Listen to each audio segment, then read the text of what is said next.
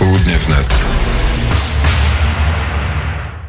16.38 e, wracamy do polskiej polityki przy telefonie Agnieszka Seweryniuk-Maciarowska, redaktorka, dziennikarka, między innymi publikująca i prowadząca portal Dzień Dobry Białystok. Dzień dobry pani redaktor. Dzień dobry. To okiem mediów lokalnych, jak wygląda kampania prezydencka. To takie największe wybory w Polsce, bo najbardziej dotyczące spraw międzynarodowych, najbardziej dotyczące spraw ogólnopolskich, a, a jak się słucha, czy jak przed chwilą wystąpień Andrzeja Dudy, czy innych kandydatów, Rafała Trzaskowskiego, Szymona Hołowni, czy Władysława Kośniaka-Kamysza, to ta regionalność jest bardzo silnie obecna. Każdy kandydat, kiedy do jakiejś miejscowości przyjeżdża, to obiecuje, że tutaj dworzec wyremontuje, tutaj połączenie PKS-u ustanowi i tak dalej, i tak dalej.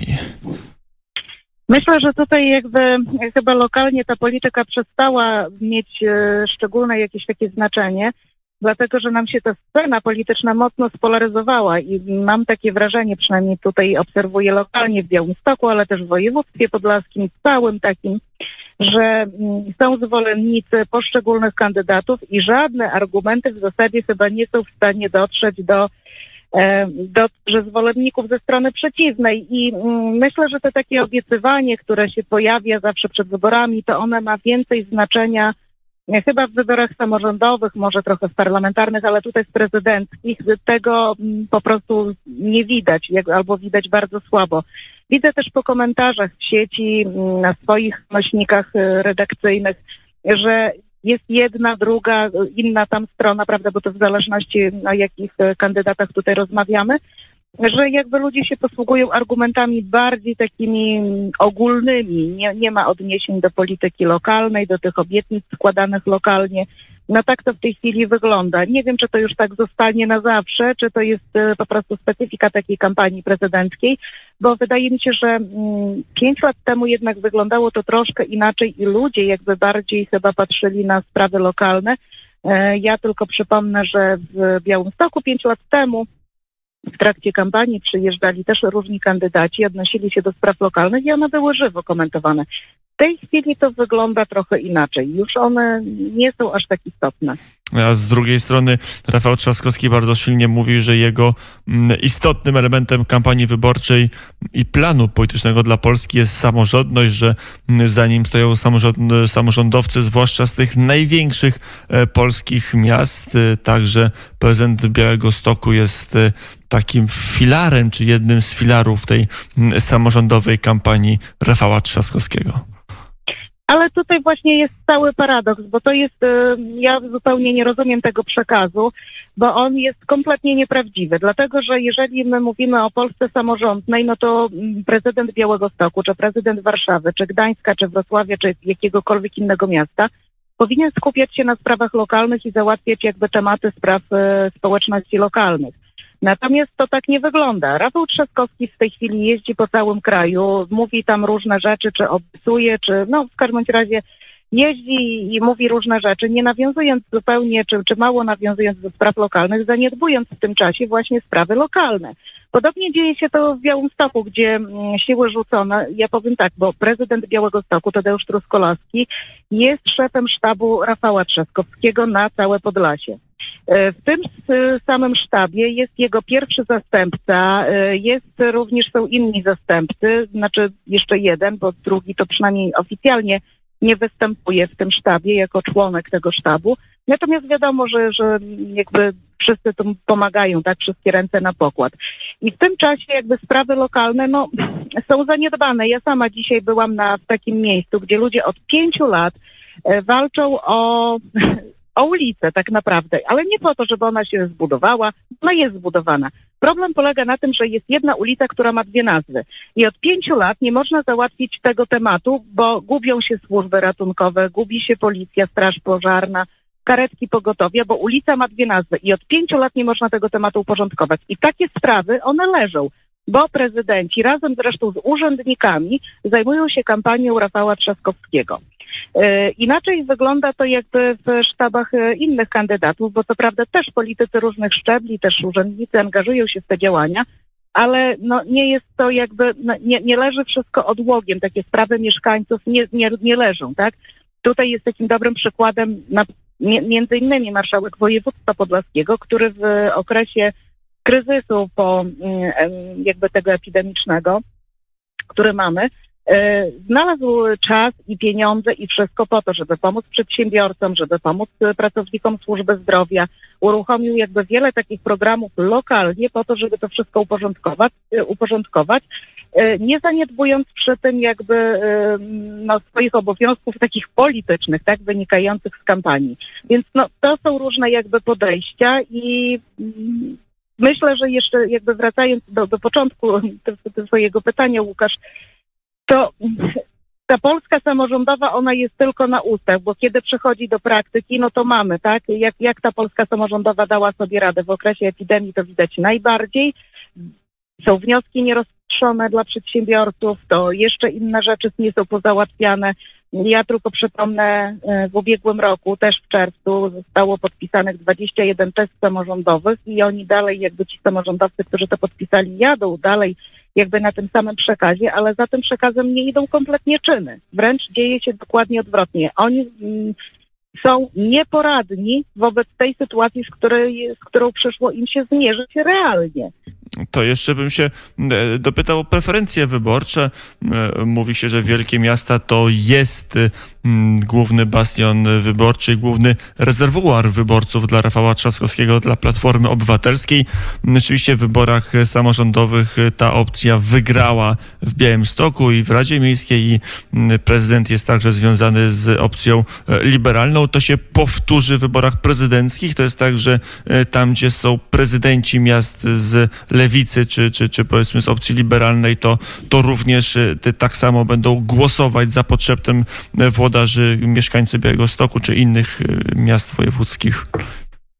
Tutaj, jeżeli chodzi o ostatnie wyniki z wyborów samorządowych yy, i dlaczego wygrała ta, a nie inna opcja, to jest bardzo jakby wiele czynników, które o tym zdecydowały, ale to nie jest jakby pora i czas, żeby o tym dyskutować. Jak teraz będzie bardzo trudno przewidzieć. Myślę, że jakby mm, w tej chwili jakby o tyle się zmieniło, yy, że mm, do mieszkańców, przynajmniej tutaj w Białymstoku, ale też w innych miastach naszego regionu, w takich większych miastach, e, docierają jeszcze inne informacje, które w ogóle nie docierały poprzednio, z uwagi na to, że no, ciężko jest lokalnym mediom przebić się z tym głosem o, o, o prawdzie, o faktach. Ja powiem, że wielokrotnie, tak jakby mm, byłam określana jakimiś nieprzyjemnymi mm, przymiotnikami i innymi wyrazami, bo dlatego, że miałam czelność opisywać prawdę e, i mówić o faktach takie, jakie one są, a nie takie, jakimi by chcieli na przykład przedstawić je urzędnicy czy też politycy. E, w tej chwili to się zmieniło i coraz więcej jakby ludzie mają dostępu do informacji e, takich prawdziwych, faktycznych, bo wcześniej ten nurt nadawały media, media były w zasadzie, można powiedzieć, prawie wszystkie po jednej stronie ustawione, już nie chcę mówić, że w czyimś ręku, ale były po jednej stronie ustawione, w tej chwili to się zmieniło i zmienił się przekaz. Jeśli chodzi o Białystok, to jest jeszcze tutaj taka bardzo znamienna sprawa, że w okresie epidemii pan prezydent Truskolaski zaczął organizować e, cotygodniowe konferencje prasowe z Urzędu Miejskiego, w zasadzie one kiedyś były codziennie, później już tylko dwa razy w tygodniu, na których to konferencjach, które, bo to drogą online one się odbywają, wszyscy mieszkańcy mogą śledzić na bieżąco, zadawać pytania również no i poznali prawdziwą twarz pana prezydenta w takim kontakcie bezpośrednim. E, I to, co mieszkańcy zobaczyli, to jest, mogę powiedzieć, takim sloganem mózg w szczępach, nie? A... E, dlatego, że jeszcze tylko dokończę, dlatego, że zobaczyli twarz e, człowieka bardzo agresywnego, bardzo nieprzyjemnego, który krytykuje wszystkich wszędzie naokoło, tylko nie siebie. Wszędzie widzi wrogów i, i nie zauważa kompletnie swoich błędów nie, i nie zwraca uwagi na problemy realne mieszkańców, z którymi oni faktycznie e, się do niego zwracali. I myślę, że tutaj jakby o ten wątek, o którym ja teraz mówię, on może, on może w dużej mierze w samym Białymstoku przesądzić o wynikach e, wyborów. E, to jeszcze zmienimy na sekundę temat.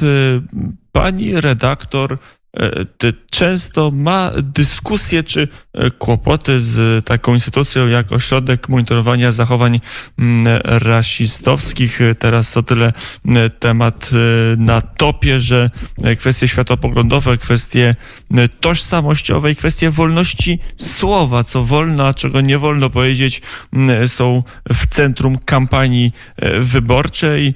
E, tutaj wydaje się, że znowu jest taka, taka sytuacja i taki trend, żeby ograniczać to pole wolności wypowiedzi, jakie nam pozostawią organizacje lewicowe i, e, i, i w ogóle lewicowy model społeczeństwa. W tym przypadku my nie mamy do czynienia z organizacją lewicową, tylko lewacką. E, ta organizacja dawno przestała jakby ja nie chcę już mówić, że ona w ogóle nie była założona do tych celów, do których niby teoretycznie służy, ale ona już dawno przestała jakby zajmować się faktycznie sprawami jakiegoś ksenofobizmu, czy rasizmu, czy czegoś, jakichś na takich występów, które jest penalizowane w polskim prawie. Jeżeli spojrzy się na nośniki pod tytułem Ośrodek Monitorowania Zachowań Rasistowskich i Ksenofobicznych, to tam jest wszędzie antypis. Jest e, wszystko, co pisowskie, to jest faszystowskie, nazistowskie i takim językiem e, posługują się administratorzy prowadzący ten profil. Natomiast sami bohaterowie, którzy ten e, ośrodek założyli, to, no to wczoraj powiem, że ręce mi opadły, wszystko mi opadło, kiedy pan prezes Konrad Dulchowski pisał o żalił się, że jakby właśnie ci niedobrzy faszyści z PiSu e, dehumanizują ludzi i tam w tym samym e, jakby wpisie nazwał kibiców Jagiellonii i Białystok w tym przypadku szympansami. Więc e, no to się w ogóle kupy nie trzyma. Zresztą tam nic się kupy nie trzyma. Tak naprawdę tą organizacją dawno już um, powinien zająć się prokurator, który powinien e, wszcząć kroki do, do jej rozwiązania, krótko mówiąc, dlatego że tam jest tak wiele naruszeń. Sam e, założyciel tego tej fundacji, przypominam, ma orzeczony prawomocny wyrok dwóch lat pozbawienia wolności za oszustwa, wyłudzenia, prezes obecny ma postawione zarzuty, on jeszcze nie jest osądzony, ale ma postawione zarzuty prokuratorskie dokładnie, prawie że kropka w kropkę takie same, za które już e, Rafał Gaweł, e, założyciel, usłyszał wyrok dwóch lat pozbawienia wolności. Więc e, nie jest to organizacja, która, no, która niesie ze sobą faktycznie wartości. Jeżeli założyciele i prowadzący no, mają takie poważne zarzuty a, i wyrok, no to cóż my możemy się spodziewać? Środowisko lewicy.